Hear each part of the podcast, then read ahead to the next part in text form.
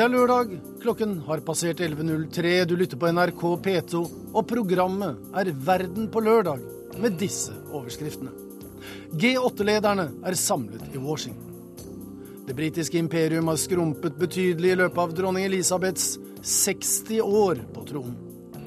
El Salvadors voldsgjenger forhandler. Mordraten gikk ned da de fikk bedre soningsforhold. Og vi spør når er det riktig å forhandle med djevelen? Vi har snakket med utenriksminister Støre om nasjonens omdømme i lys av 22. juli-rettssaken. Gro Holm er i Chicago og kommenterer Nato-toppmøtet, mens Hans-Jølm Steinfeld er i Bergen og tenker høyt rundt politikk og menneskerettigheter foran Grand Prix i Aserbajdsjan, fotball-EM i Ukraina og vinter-OL i Russland i 2014. Og korrespondentbrevet om en trekvarters tid, det er poststemplet Cuba. Dette er Verden på lørdag.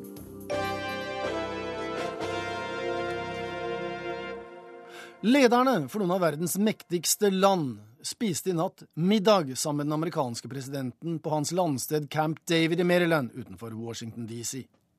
De er samlet til det prestisjetunge G8-toppmøtet.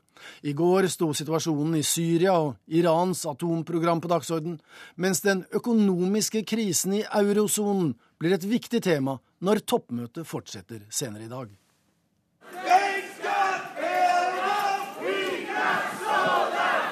Et tjuetalls demonstranter fra Occupy-bevegelsen vandrer gjennom gatene i byen Frederick i Maryland, 30 km fra presidentens landsted Camp David. De roper ut slagord om en mer rettferdig verden, men ingen av lederne for noen av verdens mektigste land hører deres budskap. En jernring rundt Camp David sørger for at stats- og regjeringssjefene fra EU, Storbritannia, Canada, Frankrike, Tyskland, Italia, Japan og Russland får være i fred for folkelig innblanding på det prestisjetunge G8-møtet. Den lokale politisjefen Chuck Jenkins sier Camp David kommer til å være den tryggeste plassen på jorda denne helgen. I think Camp David is going to be the safest, most secure place on the planet this weekend. Our role is outside of that perimeter, outside of that area. Men en av Occupy-bevegelsens lokale ledere, Gary Staples, sier at det er ingen grunn til bekymring.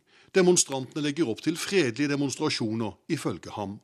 We're taking a look at the system that we have, which works for a small number of people and uh, works out horribly for a large majority of the people around the entire world. President Obama tok imot på trappen og håndhilste på sine celebre gjester da de i natt norsk tid ankom det skjermede landstedet Camp David. Toppene ble loset inn til en uformell velkomstmiddag der sikkerhetsspørsmål var ventet å bli drøftet.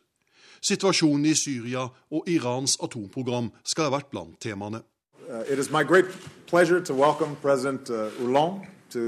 uh, the, United States, to the Oval Office, and uh, this evening to Camp David. President Barack Obama tok imot Frankrikes nyvalgte president Francois Hollande i det ovale kontoret i Det hvite hus før G8-møtet på Camp David startet. De to ser ut til å være samstemt i hvordan man kan stagge krisen i eurosonen. Begge er opptatt av å bringe inn tiltak som kan bidra til vekst, og ikke bare snakke om budsjettkutt for å løse den økonomiske krisen i Europa. About how we can manage a responsible approach to fiscal consolidation uh, that is coupled with uh, a strong growth agenda. Men uenige er Obama og Hollande om Afghanistan. Frankrikes president vil trekke franske styrker ut av landet allerede i år, mens USA og Nato vil følge planen om 2014. Dette kommer til å bli diskutert både på G8-møtet og Nato-toppmøtet i Chicago over helgen. Klokken 15 norsk tid i ettermiddag innleder president Obama den første av i alt fem arbeidsøkter under G8-toppmøtet på Camp David. Den økonomiske krisen i eurosonen blir et viktig tema utover dagen. Til lunsjen har president Obama invitert flere afrikanske statsledere for å lansere G8-landenes støtte for å bekjempe hungersnød på Afrikas Horn. Dagens intensive møtedag har en tidsramme på ti timer. President Obama reiser da i forveien til Chicago, hvor han skal være vert for Natos toppmøte. Også der vil G8-stikkord som Syria, Afghanistan og Iran være temaer. Og det er Jon Gelius som dekker G8-møtet i USA. Da skal vi til London, der dronning Elisabeth 2. i går feiret sitt diamantjubileum som regent sammen med kongelige fra hele verden. For 60 år siden, da hun var på ferie i Kenya, fikk hun vite at hennes far, kong Georg 6., var død, og at hun dermed var blitt statsoverhode for et imperium der solen aldri gikk ned, som det het. Men i løpet av de mellomliggende 60 årene har det geopolitiske verdensbildet endret seg betydelig for dronningen. Det er ikke så mye igjen av imperiet. Vår London-korrespondent Gry Blekastad Almås har besøkt en av de gjenværende smulene, det meget omstridte Gibraltar.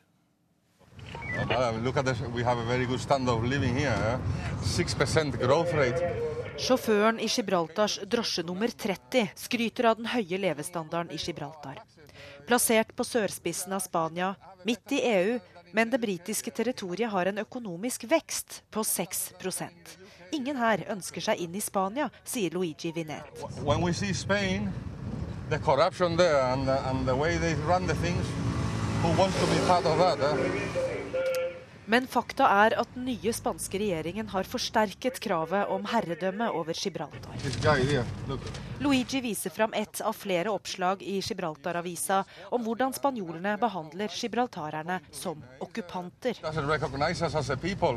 He says we are squatters here and we, not, we have no rights according to him. He's a foreign minister of uh, Spain, uh, the people. But isn't he right in a way that you are squatting this part of Spain? No, madam. Uh, we've had this longer than Spain has had it. Once you reach our top station, Vi er i taubanen på vei opp på toppen av Gibraltars klippe. Herfra ser man alle de sju kvadratkilometerne som utgjør det omstridte britiske oversjøiske territoriet. Man ser også over til Marokko, og man ser store deler av det Spania som omgir Gibraltar. Apene er Gibraltars største turistattraksjon. Når apene forsvinner, forsvinner også britene, heter det. Nå er det flere aper her enn noen gang. Eh? Domingo Lopez er spansk turist. Han støtter sin regjerings krav på Gibraltar. Sí, før helgen nådde konflikten et foreløpig klimaks da spanjolenes dronning Sofia i siste liten avlyste sin deltakelse i feiringen av dronning Elisabeth 2.s diamantjubileum i Windsor og London. Begrunnelsen var nettopp striden om Gibraltar.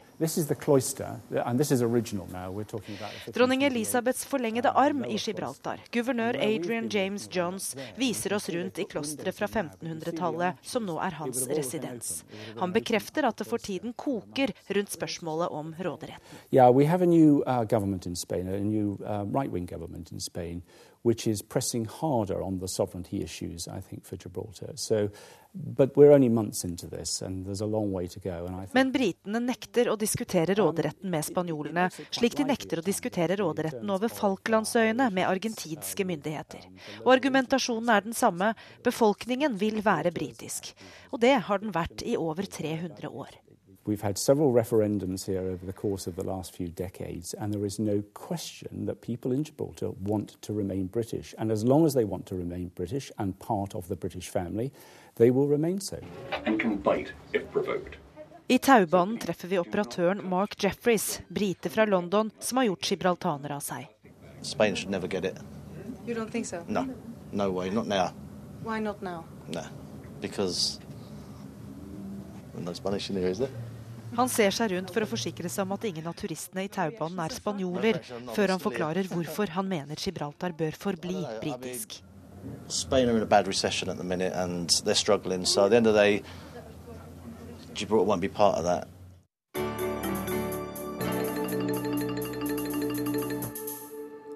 El Salvador har vært en av Latin-Amerikas mest voldelige land og har ligget nær verdenstoppen i drap i mange år. Men de siste månedene har antall drap blitt halvert. Det skyldes en oppsiktsvekkende avtale som den katolske kirke står bak. El Salvador har nok en gang skapt store overskrifter i Latin-Amerika. Denne gangen er det positive nyheter. I slutten av mars holdt de to beryktede gjengene Mara 18 og Salvatrucha en felles pressekonferanse. De to gjengene har i flere år ligget i krig med hverandre. I et av landets strengest bevoktede fengsler fortalte gjengledere om den spesielle avtalen de hadde inngått.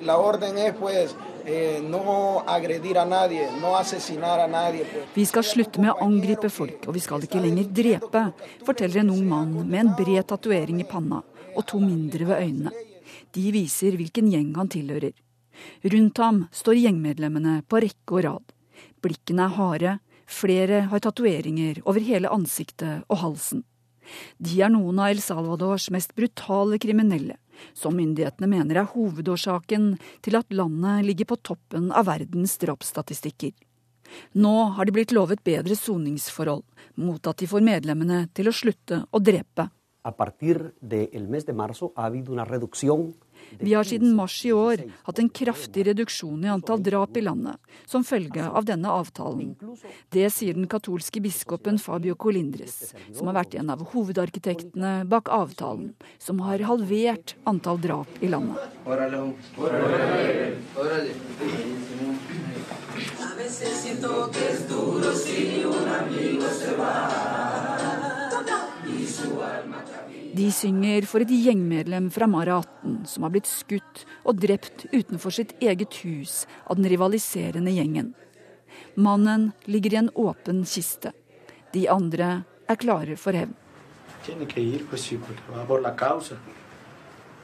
Por la causa.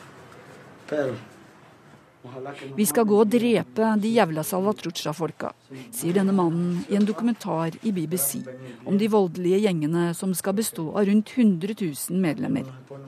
Gjengene ble startet i USA under borgerkrigen i El Salvador, forteller Benedicte Bull, leder av Nettverket for latinamerikaforskning i Norge. De begynner jo som eh, ungdomsgjenger blant salvadoranske migranter i Los Angeles-området eh, under eh, borgerkrigen i eh, El Salvador, som da slutter i 1992. Da blir eh, mange deportert tilbake til El Salvador, et land flere av de aldri hadde vært i, som er i en eh, postkonfliktsituasjon hvor det er eh, stor grad av samfunnsoppløsning. Det er fremdeles masse våpen i sirkulasjon etter krigen. Og etter hvert så får de da kontroll med deler av storbyene. storbyene. Que como nosotros somos una familia, somos la familia de Suchera. Vi er som en familie, sier denne gutten. Flere av ungdommene har blitt forlatt av foreldrene sine. Mange har dratt til USA for å få seg en jobb. For mange er gjengene de eneste de kan stole på, sier Benedicte Bull.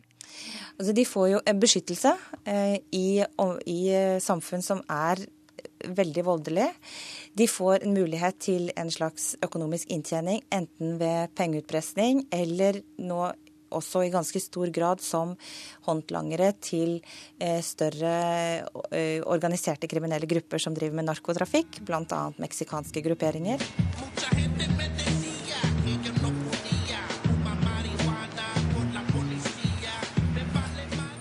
For tatoveringene som er obligatoriske i gjengene, gjør at det er vanskelig å få seg en vanlig jobb. Charlie og vennene tjener derfor penger på å presse bussjåfører for beskyttelsespenger.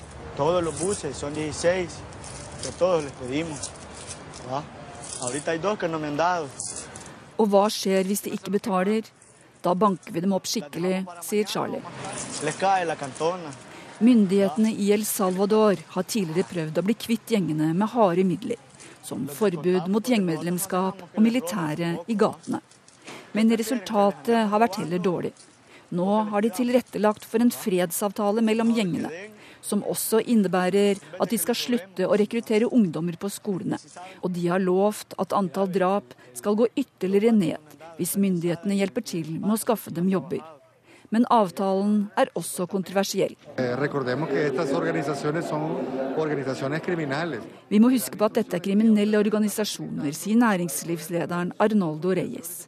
Han og mange andre frykter at lettere soningsforhold skal føre til at gjengene får mulighet til å planlegge og gjennomføre flere kriminelle handlinger. Likevel har avtalen vakt oppsikt i flere land i Latin-Amerika, som sliter med lignende volds- og gjengproblemer, sier Benedicte Bull det er jo resultater som vekker oppsikt internasjonalt. Nå kommer en delegasjon fra Organisasjonen for amerikanske stater og skal eh, se på hva som egentlig har skjedd i El Salvador. Salvadoranere flest holder nok pusten, som det har vært skrevet mange steder, fordi man kan nesten ikke tro på det. Man tenker at dette her kan eksplodere igjen når som helst. Men nå i hvert fall, i den perioden som har gått siden mars, så har man sett en dramatisk nedgang i drapsraten og helt, sannsynligvis flere hundre menneskeliv spart. Det sa Benedicte Bull til vår reporter Inger Marit Kolstad Bråten. I El Salvador har de altså eh, valgt eh, å forhandle med djevelen, som det gjerne heter, hvilket er svært kontroversielt. Den slags diskuteres, og det skrives bøker om temaet, og arrangeres seminarer. Vår reporter Ragnhild Eiknes har vært på et av dem.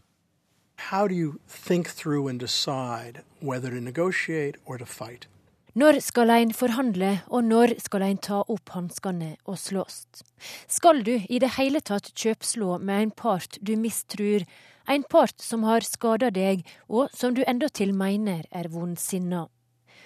Spørsmålet blir stilt og forsøkt besvart av den amerikanske Harvard-professoren Robert Nookin, som er aktuell med ei bok om dilemmaet det er å skulle forhandle med djevelen. That requires, in my view, that you do your very best to analytically think through En må gå gjennom både sine egne og motparten sine alternativ og vitale interesser. Er det mulig å finne ei løsning som for begge parter tross alt er bedre enn det en kan oppnå gjennom maktbruk? I så fall bør en forhandle. Uh, Men i tilfelle der det ikke er mulig å oppnå ei semje som tilfredsstiller dine interesser like godt som maktbruk ville gjort, da skal du ikke forhandle, men slåss. Så er det til dømes riktig å forhandle med Taliban, og hva alternativ står en overfor i Syria? Uh, Jeg er ikke i tvil om at Assads handlinger er vondsinna handlinger, men uh, to negotiate with Assad? Of course, I would. Yes. Uh, ville jeg forhandla med Assad? Selvsagt ville jeg det. Problemet er at det er mange grupper som ikke vil forhandle, de vil bare velte regimet. Og det er ofte vanskelig å få en leder til å være med på å forhandle fram sitt eget fall. And it's uh, very hard uh, for uh, most leaders to negotiate their own departure. But if you were Kofi Annan and it's it's your task to find a solution in Syria. How would you go about it as a mediator? Well, I think that without more credible, coercive alternatives, uh, I don't think Kofi Annan is going to be successful. Jeg tror at uten tyngre forhandlingskort vil ikke Kofi Annan lykkes. Dilemmaet vi står overfor i Syria er at ingen er villige til å sende militære styrker til landet, og det er presidenten veldig klar over. Uh, om Kofi Annan hadde trusselen om militærmakt som et forhandlingskort, kunne han vært mer effektiv. Well, I think he could be more effective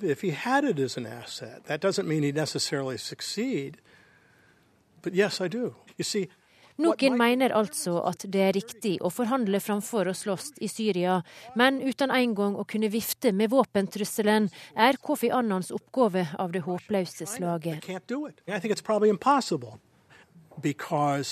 The circumstances are not such that there is a credible threat sufficient to motivate Assad. Hva så med Taliban? Is an interesting example. I think in 2001 It was correct not to negotiate. In 2012, I think it's correct to be willing to negotiate. Fra et amerikansk perspektiv er dette et interessant døme. I 2001 var det riktig å ikke forhandle, mens i 2012 er det riktig å forhandle. Uh, Våre egne vitale interesser har forandra seg. Jeg tror ikke lenger det er en akutt fare for at Afghanistan vil fungere som oppmarsjområde for internasjonal terrorisme, slik det var i 2001. Dessuten er Osama bin Laden død, og Al Qaida står svakere. Of, uh, international terrorist attacks on us and our friends. Men skal en til dømes være villig til å forsake kvinners retter i slike forhandlinger?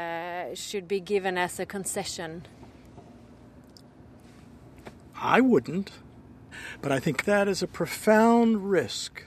Jeg ville ikke gjort det, men jeg tror det er en fare for at de store gevinstene en har oppnådd når det gjelder kvinners retter, kan gå tapt. De tilhører ikke USAs vitale interesser. We did not go to war in Afghanistan to liberate Afghan women.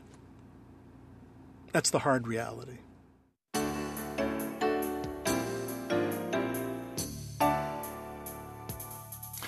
Neste lørdag er det europeisk sangkonkurranse i Aserbajdsjan, og så langt har arrangementet tiltrukket seg mer politisk enn musikalsk oppmerksomhet, og menneskerettighetsgrupper har benyttet seg av den oppmerksomheten som Grand Prix medfører. Det samme er i ferd med å skje i Ukraina, der behandlingen av tidligere statsminister Julia Timosjenko har fått stor oppmerksomhet, mye på grunn av fotball-EM, som arrangeres i annet Ukraina neste måned. Og om snaut to år er det olympiske vinterleker i Sotsji i Russland. Og Moskva-korrespondent Hans-Wilhelm Steinfeld, dette er tre land som sorterer under deg. Og er det slik at opposisjonelle, systemkritikere og regimemotstandere i tidligere sovjetrepublikker nå mobiliserer og benytter seg av denne medieoppmerksomheten altså som disse prestisjearrangementene medfører, og at de derigjennom får bred vestlig omtale av sin kritikk? Ja, dette er vel nesten like mye konkurranseoppmerksomhet som idrettskonkurranse. Fordi regimene i disse tre landene har naturligvis tenkt å kapitalisere eh, og markedsføre sin oppfatning av disse landenes virkelighet gjennom disse høyst påkostede idrettsstevnene. Eh, og på den annen side så er det naturligvis en gylden sjanse for annerledestenkende til å rope opp om det de mener er skavanker i disse samfunnene. Og alle tre landene er proppfulle av skavanker skavanker, det kan jeg love deg. Men altså skavanker, sier du. Markedsfører da disse dissidentene eller opposisjonellene sine særkrav eller særklager, eller, eller er f.eks. i Aserbajdsjan da er opposisjonen samlet?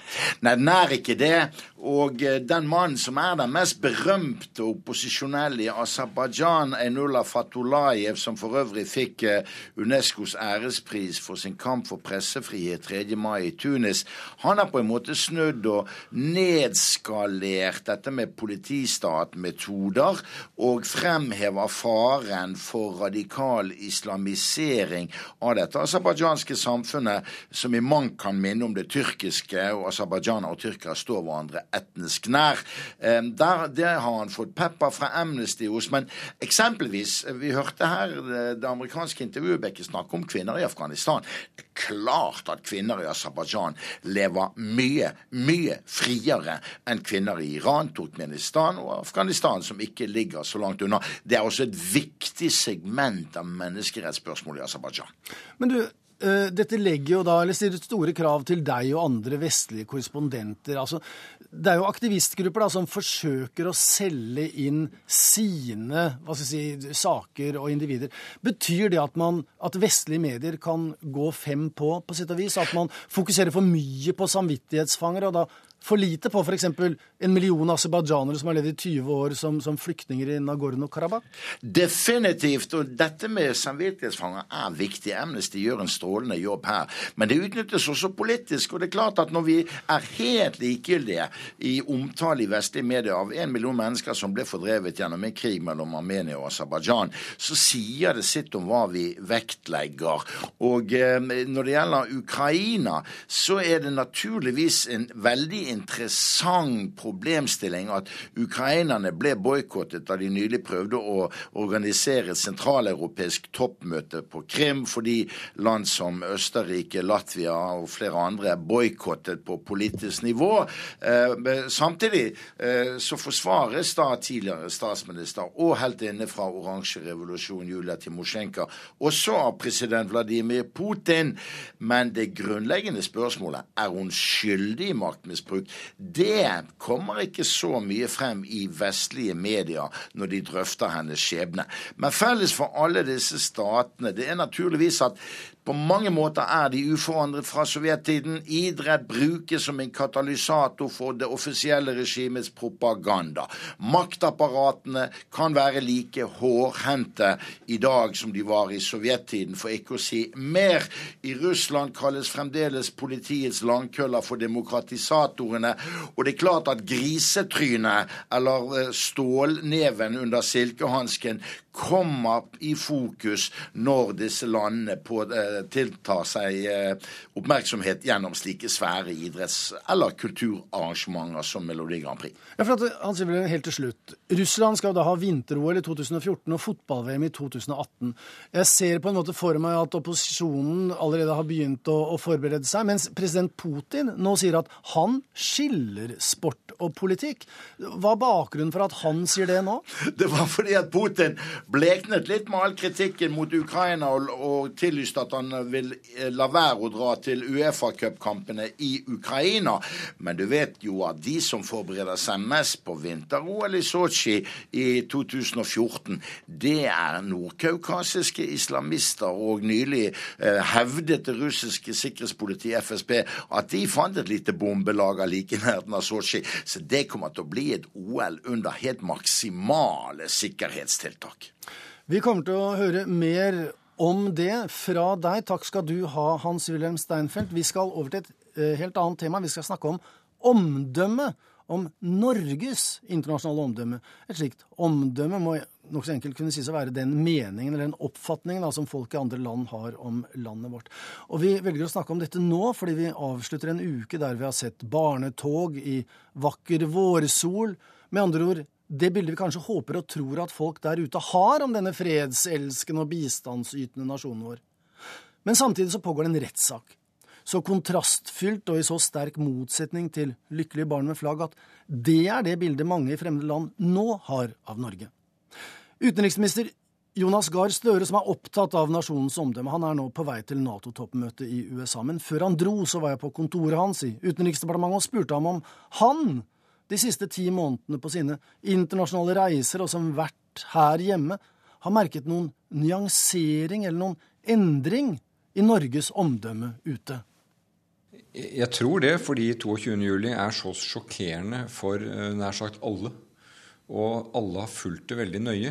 Og med alle mener jeg da kolleger jeg møter, og som jo reflekterer det at dette er en stor mediesak i veldig mange land. Da rettssaken åpnet, så var jeg sammen med mange Nato-kolleger. Og jeg oppdaget i dag at de fulgte rettssaken like tett som jeg gjorde. Gjennom sine mediekanaler. Så det er klart at det har brakt ut en, en, en grusomhet fra et land du ikke assosierer med det, for å si det rett ut. Og det, det, det, blir, det blir på mange måter reflektert. Men også håndteringen. Det har de også fått med seg, at det var et norsk svar på dette i juli, i måneden etter, og at rettsstaten nå gjennomfører en rettssak som, som er rettsstaten verdig. Det er vel så mye et etterlatt inntrykk. Jeg sa innledningsvis at omdømmet ganske enkelt er summen av det folk i andre land mener og tror om oss. Men fra ditt ståsted så er det kanskje noe mer sammensatt og komplisert enn som så? Nei, Jeg tror det er en ganske god beskrivelse. og når, når, vi snakker om at det er en sum, så betyr det at det er ikke en helt eksakt målbar størrelse. Det er mange forhold som kommer sammen. Jeg tror det har vært gjort veldig mange forenklede tanker om omdømme. At bare du har et godt slagord, så kan du skaffe deg et omdømme. Men det er summen av veldig mye. Norges utfordring fant jo forskere ut var at vi hadde ikke noe omdømme utenfor en krets av de som kjente oss aller best. Kommer du langt unna, så har folk veldig lite begrep om hvem vi er. Men nå som vi har hatt 17. mai Jeg har mottatt alle ambassadører til Norge. Og hvert år så er jo det den samme interessante refleksjonen om at 17. mai forteller en historie om barn, barnetog.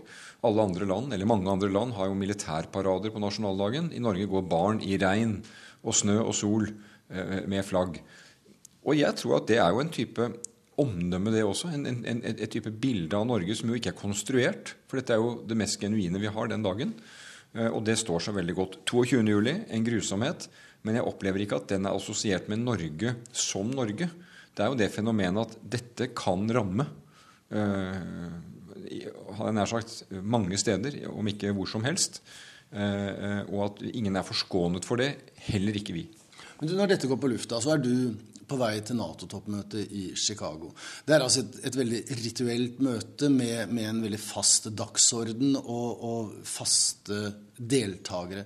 Men er din opptreden på et slikt møte og, og andre norske sendemenn og representanters fremtreden og deltakelse i tilsvarende fora, er det også omdømmebygging? Jeg tror det, men det er tilbake til det du sa. Det er jo summen av mange forhold. Så det er klart den måten statsministeren og forsvarsministeren og jeg opptrer i disse møtene, det skal jo liksom stemme med hvem Norge er. Ja, vi uttrykker oss på vegne av en regjering som har et flertall i Stortinget. I utenrikspolitikken så er det stort sett bredere enn det når vi, når vi snakker.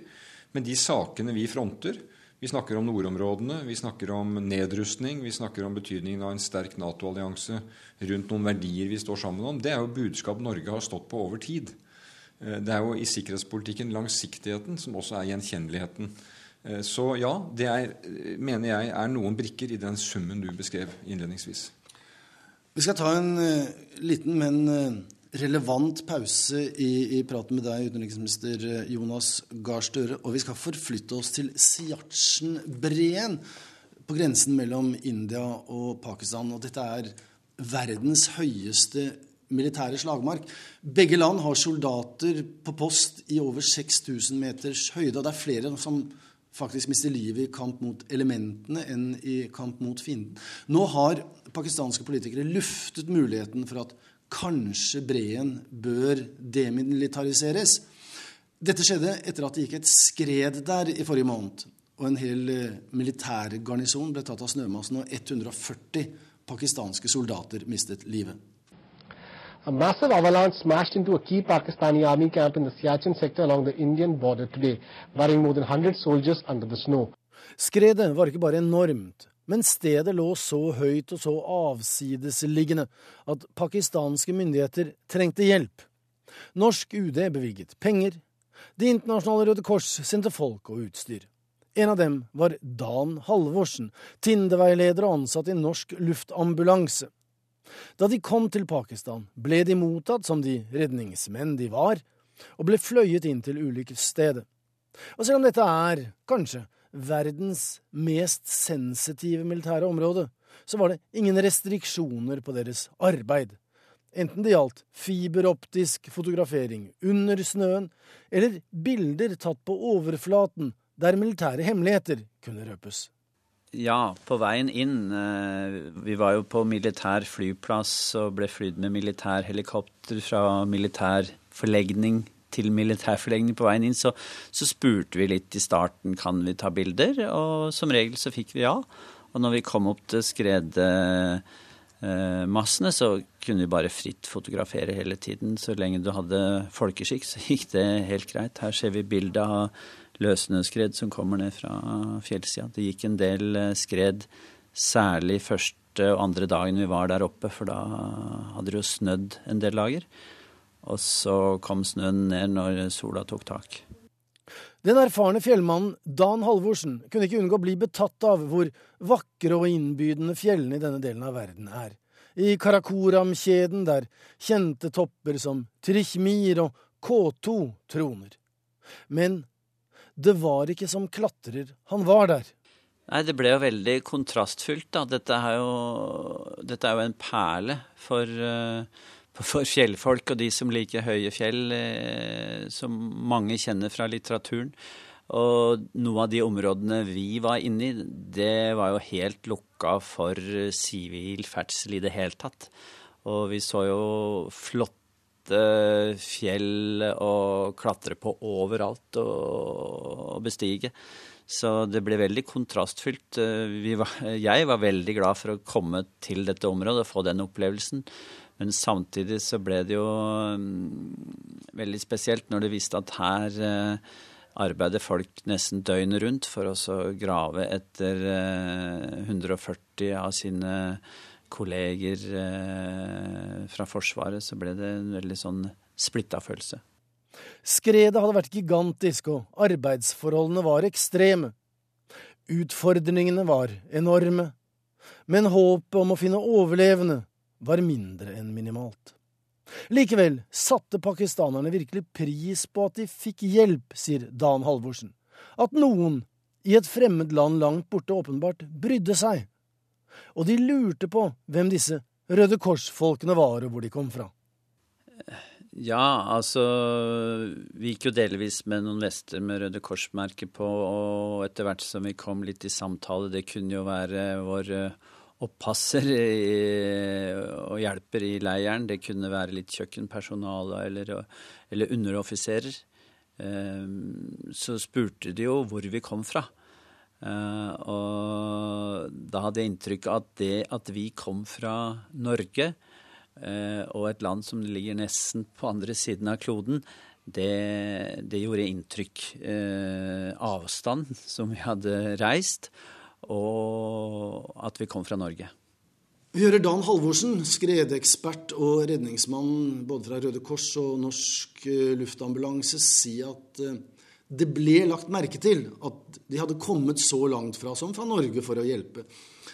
Og utenriksminister Jonas Gahr Støre Tidligere så var det kanskje sjøfolk, misjonærer og for USAs del da emigranter som var våre fremste folkelige ambassadører, hvis vi kan si det. Nå er det, det er turister, det er offisielle representanter, eh, og det er folk som da Dan Halvorsen, som vi nettopp hørte. Det er folk som utfører store bragder, enten innenfor idrett, kultur eller forskning eller eventyrere. Samtidig så er det da også noen uh, kjeltringer som bedriver omdømmenedbrytende handlinger, både ute og hjemme. Så i hvor stor grad er den enkelte av oss med på å bygge eller forandre eller rive ned Norges omdømme i, i våre små individuelle og personlige møter med folk fra andre land? Ja, det er et godt spørsmål. og Det er jo i, i statsvitenskapene spørsmål, spørsmål, ofte om hvor mye personer betyr i internasjonal politikk. Og Svaret er jo det at de betyr en del, men ikke alt. For det er noe som på en måte er tyngre enn det, og det er landets interesser, ressurser, gjennomslagskraft eh, på andre måter. Men de som formidler alt dette, er jo personer. Eh, og Norge er et farende folk. altså Vi er fem millioner mennesker, men vi har jo en reisefrekvens høyere enn noe annet folk i verden. Så vi er veldig mange hjørner, og det vi viser oss fram med da, vil jo også bidra til denne store summen av omdømme. Halvorsen, som du siterer til nå, kom jo da ut av eh, en gruppe mennesker, Det internasjonale Røde Kors, på oppdrag fra Norges Røde Kors. Jeg har sett mange av dem som har reist ut. Det er noe av de flotteste folkene Norge kan vise fram, etter min mening, i form av eh, evne til å hjelpe. Eh, og gjøre det på en måte som er hva skal jeg si, disiplinert og ordentlig i henhold til viktige prinsipper. Eh, og Hvis det kan spille over på et norgesomdømme, så er det bra. Det du viste om til bistand, humanitær hjelp, har jo ofte vært Norges inngang også i politikk. Fordi vi har lagt vekt på å bruke ressurser på å hjelpe i nødsituasjoner. Og det har skaffet oss nettverk ofte i samfunnet litt mer nedenfra eh, enn gjennom de etablerte kanalene. Og summen av det har vært viktig for, eh, for norsk utenrikspolitikk. Men jeg tror personer kommer til å bety mer og mer, enten det er idrettsstjerner, kulturfolk, også til en viss grad politikere, fordi at vi lever i en mer personifisert offentlighet. Ikke bare i Norge, men også internasjonalt. Men omdømmet er da for viktig til at du og ditt departement kan overlate det til deg selv. Altså, dere sender jo kulturdelegasjoner, og dere har bevilgninger i forsøk på å bygge norsk omdømme. Dere inviterer utenlandske journalister hit, f.eks. Men så får man da enkeltepisoder, sånn som denne ulykksalige barnevernssaken i, i Stavanger, eh, som nå er lykkelig avsluttet. og skal ikke komme inn på den per se, for det var mye rart der. Også indiske medier ble jo ført litt bak lyset. Men den førte jo til enorme mengder med negativ omtale av Norge og norske myndigheter i indiske medier. Kan man gardere seg mot at, altså da, at et lokalt barnevern som har i utgangspunktet en god sak, river ned vårt omdømme? Eh, altså jeg fristet til å svare nei til det, fordi at vi lever i en verden nå som jeg mener er preget av det du kan kalle sammensmelting. Det bor og arbeider folk fra India i Norge, gjør viktig arbeid. De har barn. Barnevernet har grepet inn, og dermed er det skaffet et bånd mellom Norge og India som så kunne eksplodere i en sak da barnevernet grep inn. Eh, og da ble det jo, altså som du sier, jeg tror ikke vi er klar over i Norge, eh, du er klar over det, hvor stor oppmerksomhet det ble i India, hvor negativt det var for Norge. I sånne saker mener jeg at Norge må ikke drive og vingle og, og, og fly med vinden. Uh, søke kortsiktige løsninger, ikke gripe inn politisk, for vi har en rettsstat i dette landet. Vi har domstoler som skal være uavhengige, som skal avgjøre sånne saker. Og denne saken viste seg at vi sto godt ved å respektere barnevernets integritet, domstolens endelige ord. Og Da den saken ble avsluttet, så var jo det egentlig til alles tilfredshet. Og jeg tror vi fikk igjen ved at vi, at vi ikke grep inn politisk der om vi skulle tenke på det. Det er også et omdømme for Norge. Fordi at vi er et demokrati, vi har en rettsstat, vi har en måte å ordne ø, samfunnet vårt på. Vi har små forskjeller mellom folk. Det er jo i ferd med å bli en større del av Norges omdømme nå enn det var for en tid tilbake. Hvorfor klarer Norge, de nordiske landene, seg med lavere ledighet, flere i arbeid, bedre økonomi, bedre omstilling? Det er noe med samfunnet. Det går også inn i summen av omdømmet vårt, og jeg tror i den saken med med India, så var det en veldig styrke at Norge kunne si at det er noe som egentlig står litt over en politisk impuls, nemlig en rettsstat.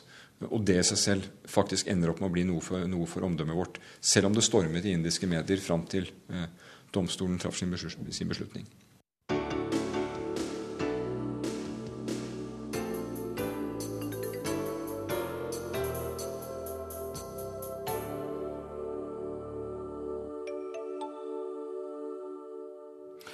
Som vi hørte i samtalen med utenriksminister Støre, så er han nå på vei til Chicago, der Nato-landenes ledere setter hverandre stevne i morgen. Stats- og regjeringssjefer fra alliansens 28 medlemsland kommer til møte, samt utsendinger fra en lang rekke andre land som samarbeider med Nato. Men Russlands nyinnsatte president Putin, han blir hjemme. Og det er ingen tegn til at Russland og Nato blir enige om det vanskelige rakettskjoldsamarbeidet. Gro Holm er i Chicago. Russlands nyslåtte president Vladimir Putin kommer ikke til Chicago. På den russiske presidentens hjemmeside blir fraværet begrunnet med at Putin er for opptatt med å danne ny regjering. Nyslått statsminister Dmitrij Medvedev reiser ikke til Chicago, og utenriksminister Lavrov blir heller ikke å se. Ingen russiske politikere blir representert, det minner om en politisk demonstrasjon. På forrige toppmøte i Lisboa for halvannet år siden var daværende president Medvedev meget synlig til stede og annonserte mulig samarbeid med Nato om rakettskjold. Nå har pipa en annen låt. For diskusjonen om rakettskjold har så langt bare avfødt stor uenighet, russiske trusler og nå altså i praksis en politisk boikott av Natos toppmøte. Russerne har bedt om en juridisk bindende garanti for at rakettene i rakettskjoldet aldri skal rettes mot russiske atomvåpen. Det amerikanske senatet vil ikke gå med på noe sånt, men USA har tilbudt en skriftlig politisk erklæring om at skjoldet ikke er rettet mot Russland. Det er ikke nok for russerne. I november i fjor svarte president Medvedev med å gjenta en gammel trussel, nemlig utplassering av såkalte SS-26-raketter som kan nå Tyskland, Polen og Tsjekkia, i Kaliningrad ved Østersjøen. For øyeblikket er det ingen tegn til at ideene om datautveksling og felles planleggingssenter mildner russerne. De vil ha sin garanti. Nato-møtet i Chicago kommer til å erklære at første stadium i rakettskjoldet er fullført, og at alliansen har en såkalt foreløpig evne til å forsvare Europa mot rakettangrep fra fiender som Iran og Nord-Korea. Første generasjon av SM-3-raketter er utplassert på amerikanske skip i Middelhavet, og sammen med en amerikansk radar på tyrkisk jord skal innkommende raketter kunne skytes ned. Fram mot 2020 skal mer avanserte utgaver av SM-3-raketten utplasseres i Romania, i Polen og på skip som kan seile i Østersjøen, i Norskehavet og i Barentshavet. Det kan bli aktuelt med antirakettraketter på norske skip. Den norske regjeringen har ennå ikke bestemt seg. Og jo lenger nord rakettforsvaret plasseres, jo mer bekymret er russerne. Rakettforsvarsraketter på skip utenfor Nordland vil nemlig ha mulighet til å kunne avskjære russiske atomvåpen på vei til USA, hevdet russerne på et møte i Moskva nylig. Derfor vil de nå rette deler av sine våpen inn mot rakettforsvarsanleggene i Europa. For alle tilfelles skyld. Noen vil hevde at summen av alt dette er motsatt av det som var meningen, nemlig mindre sikkerhet i Europa. Men for USA, for de nye medlemslandene i Øst- og Sentral-Europa, og dermed også for Nato, er det uaktuelt å snu nå. Dermed er det også fint lite realisme i et forslag fra utenriksministeren i Norge og Polen om dialog med Russland om taktiske atomvåpen, dvs. Si raketter med en rekkevidde på mindre enn 500 km. Russland har overlegent flest slike, og det finnes ingen avtale som regulerer antall og plassering. Afghanistan blir et annet hovedtema på Natos toppmøte. Tilbaketrekkingen av 130 000 soldater fra Nato-land innen utgangen av 2014 skal finstemmes.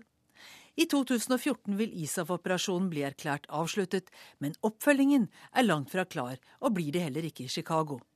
USA og Afghanistan har allerede undertegnet en rammeavtale om fortsatt militært samarbeid.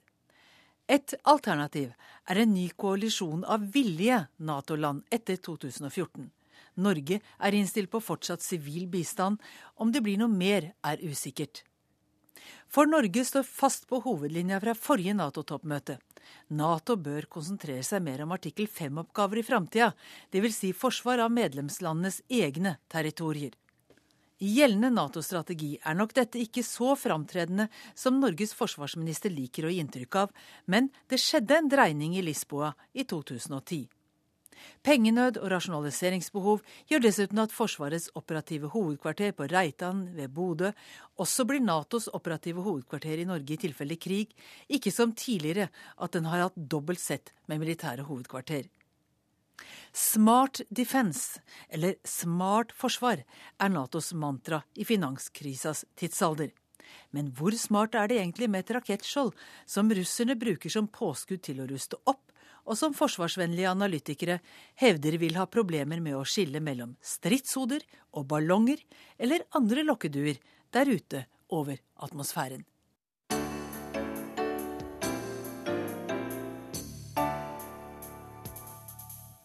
I korrespondentbrevet skal vi høre at blomster kan være kontaktskapende og et godt samtaletema for korrespondenter og naboer. I hvert fall er det slik i Washington DC. Men da vår amerikakorrespondent Anders Tvegård besøkte Cuba, så syntes han først at alle disse henvisningene til å fortsette samtalene ute, blant planter og blomster i bakgården, var svært så besynderlige. Vi går ut i hagen etterpå. Så var det vekslende blikk og gjensidige nikk. Jeg stusset litt første gang jeg hørte det. Det var som om min alltid røykende nabo Barbara var til stede. Men som amerikansk statsborger kunne ikke hun reise til Cuba. Barbara pleier nemlig å vise meg hageinnsatsen, hvor hun har lagt ny løk, hvor jeg burde se etter tulipaner eller asalia langs fortauet. Den guida turen langs bedet eller til de små blomsterkassene under et av de 15 meter høye trærne her kommer på en tid av året da kirsebærtrærne står i full blomst. Å ha en velstelt hage, bed eller vakkert fortausområde her i Washingtons eldre bydel Georgetown er et seriøst anliggende. De fleste rundt oss har gartnere som vanner eller klipper. Latinos eller svarte som kommer til residensene for å stelle. Hagepleie må til stort sett hver dag, pga. varmen og det gode vekstklimaet her på grensa til sørstatene. Arbeidskraften er ikke så altfor dyr heller. Men akkurat i vårt nabolag gjør vi det selv. Det er blitt en uformell konkurranse om å få bedet til å sitte. Til turistenes glede og gartnernes irritasjon over manglende inntekt. Det gikk noen sekunder før jeg skjønte hvorfor vi alltid måtte ut i hagen mens vi var på Cuba. Enten det var i private hjem eller på hoteller, bar det ut i solsteiken. Det var et kodeord for at nå skulle det utveksles følsomme opplysninger. Ute skulle det være vanskeligere for regimet å fange opp stemmer og høste informasjon. Mistenksomheten er fortsatt sterk i kommuniststaten, spesielt følelsen av å bli avlyttet. Alle har en bevisst holdning til hva de sier hvor. Kameramannen vår Leif og jeg var der under pavens besøk i slutten av mars. Vi så mange hager. Dissidenter eller gryende opposisjonelle var allerede luket ut. Sjarmerende, men så eldrende Havanna var kjemisk renset for stemmer som taler mot revolusjonen. Ingen damer i hvitt vandret langs havnepromenaden Malecon under pavens besøk. Karibiske rytmer og sigarduft lå i lufta, men menneskerettsaktivister, en broket opposisjon, kjente bloggere, alle var i husarrest, fengsel eller fraktet ut av byen. Passivisert, ble det visst kalt. Det var liten pågang hos de få vestlige ambassadene som låner bort internettforbindelsen til bloggere og dissidenter. Gjorde du et forsøk på å komme i kontakt med en kjent stemme med et alternativt syn på dagens styresett, ble telefonsamtalen dirigert til Innenriksministeriet. Tekstmeldinger fra utenlandske telefoner ble blokkert.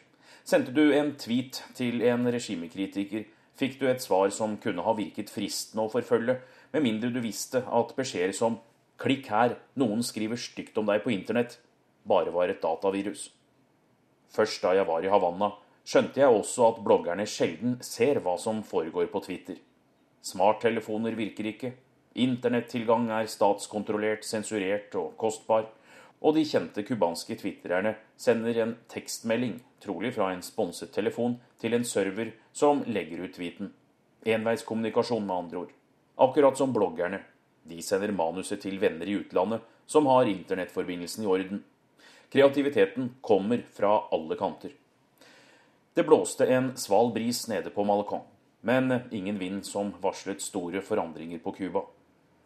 Vi hadde fått pressevisum og fikk beskjed om at vi kunne arbeide fritt. Det følte vi også at vi fikk gjøre, selv om vi ikke kunne treffe alle vi ville. Det var ingen krav om å melde seg eller å ha med påpassere. For politifolk ble alle journalistene under pavebesøket en ny øvelse. Noen av dem hadde ikke lest instruksjonene eller blitt orientert om hva som lå i denne myndighetsakkrediteringen. Vi fikk mange ufrivillige pauser, men kunne alltid fortsette i løpet av en halvtime når overordnede ble koblet inn. Det betyr ikke at vi kunne filme hva vi ville, eller at folk hadde lyst til å snakke med oss. Selv en gammel brannstasjon var for sensitivt dersom vi fikk personer med i bildet, mente de på stedet. En grønnsakshandler rett ved ville ikke uttale seg om den nye økonomiske reformen som fra i fjor høst har gjort at han får ny næring. Han visste jo ikke hva han skulle mene offentlig om den delvise privatiseringen, eller kanskje riktigere, dersom han snakket, visste han ikke hva som kunne skje med lisensen hans etter kameraet var skrudd av og vi forlot Cuba. Den selvpålagte sensuren møtte vi også hos dem som har vært helt i toppen.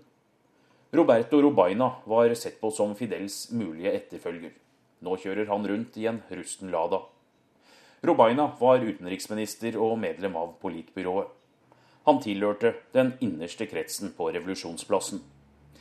Karrieren tok brått slutt. Noen sier fordi han var en løs kanon, andre fordi han kom for nær makta. Den høyt betrodde og plasserte Robaina ble sparket og strippet for privilegier en maidag i 1999. Fallet vil han ikke snakke om. 56-åringen har skygget unna søkelyset. Kunsten har vært en redning. Han er et forbilde, sier Robaina og peker mot et av lerretene med Charlie Chaplin. Vi får etter mye om og men et ja til å møte ham. En kjapp omvisning i galleriet. Det går i svart og hvitt. Ingen gråsoner i de første signaturverkene. Fargene og det abstrakte har først senere kommet til. Han kunne kommunisere uten å bruke ord. Jeg er fascinert av det, forklarte den tidligere toppdiplomaten. Det er lett å tenke at Robaina også lever som i en stumfilm. Mannen som nå går med en hvit og en svart sandal, har lagt fortida bak seg. Han vil være i fred. Ikke snakke om livet i den innerste kretsen eller dagene han ble kreditert som revolusjonens redningsmann da Sovjetunionen kollapset. Kanskje en dag, sier Obaina. Han må videre, men akkurat nå later han ikke til å være interessert i hvilken vei Cuba går. Det er nye tider for mange, forbundet med stor usikkerhet. Staten vil sparke én million arbeidstakere for å få maskineriet til å gå rundt. 20% av arbeidsstokken må finne seg noe annet å gjøre innen tre år. Varsellampene blinker i sendrektige departementer, statlige skobutikker og tobakksfabrikker. Derfor reformene som åpner for selvstendige næringsdrivende, flere samvirkelag og en gradvis privatisering av økonomien. Siden han kom til makta, har Raúl Castro åpnet sakte innenfor noen områder. Cubanere kan nå f.eks. kjøpe og selge biler produsert etter etter 1950-tallet. De kan bruke mobiltelefoner, og det er færre restriksjoner på privat restaurantdrift og overnatting. Jordbruket skal også i fokus igjen, slik at Cuba slipper å importere så mye mat. Kommunistpartiet mener det er nøkkelen for å komme seg ut av en stagnerende økonomi og dyre matvarepriser. De som vil prøve seg privat som bonde, får nå økonomiske gulrøtter. Men foreløpig er det liten tilgang på kreditt, og få som har råd til å investere. Gammelt og slitt utstyr legger også begrensninger. Alexis er en av dem som søker lykken på jordene. Han er egentlig dataingeniør, men satser nå alt i Matanzas, et par-tre timer utenfor Havanna. Sju hektar får han kontrollere i dag. Offisielt en leieavtale på 25 år, men som kan fornyes og holdes i familien. En vakt låser opp en rusten port. Inngangspartiet til jordlappen hans skriker. Det er flere private bønder inne på området, og noen har satt på en radio med popmusikk. Alexis tar oss rett til stoltheten. Min Rolls-Royce, sier han. Han har fått låne en hviterussisk traktor fra 1960-tallet. Den tilhører et statsdrevet kollektiv. Traktoren gjør nytte, sier Alexis, men den bruker plagsomt mye olje. Slår avlingene med kikerter, bønner, gulrøtter, sukkerrør og papaya til, kan Alexis kjøpe en ny arbeidshest og erstatte håndpumpa med et automatisk vanningsanlegg. Han har lagt planer og vil ikke tilbake som dataingeniør. Noe nytt er at han også får lov til å ansette folk til å hjelpe seg. Og gevinsten, eller motivasjonen? Alexis smiler kikker ned og sparker bort en stein. En revolusjon i revolusjonen, sier han. Etter å ha innfridd og levert et visst antall kilo mat til staten og de statskontrollerte hotellene, kan Alexis selge overskuddet på gata og få penger rett i lomma. Han har doblet lønna si mange hundre ganger fordi han ga slipp på en trygg kontorjobb og sammen med kone og to barn får ting til å klaffe ute. Noe og noen feiler selvfølgelig. Men på Cuba i dag høster man det man sår, og det opptil fire ganger i året. Barbara får røykoste, kveler den ved å tenne opp en ny sigarett. Hun er bereist, men har ikke vært på Cuba. Hun har valgt å stå over for å opprettholde et rent rulleblad. Ikke ta turen via nabolandene, som eh, flere andre amerikanere gjør. Dessuten har hun nok med sin egen bakgård foreløpig. Hageflekken her i Washington skal også endres noe. Nye frø og løk plantes, men i eh, kontrollerte former. Dette korrespondentbrevet kan høres om igjen i kortversjonen av Verden på lørdag her i P2 klokken 16.40, eller man kan laste ned hele sendingen som podkast. Ansvarlig for Verden på lørdag denne gangen var Tove Søtorp, Svein Åkre og Joar Hoel Larsen.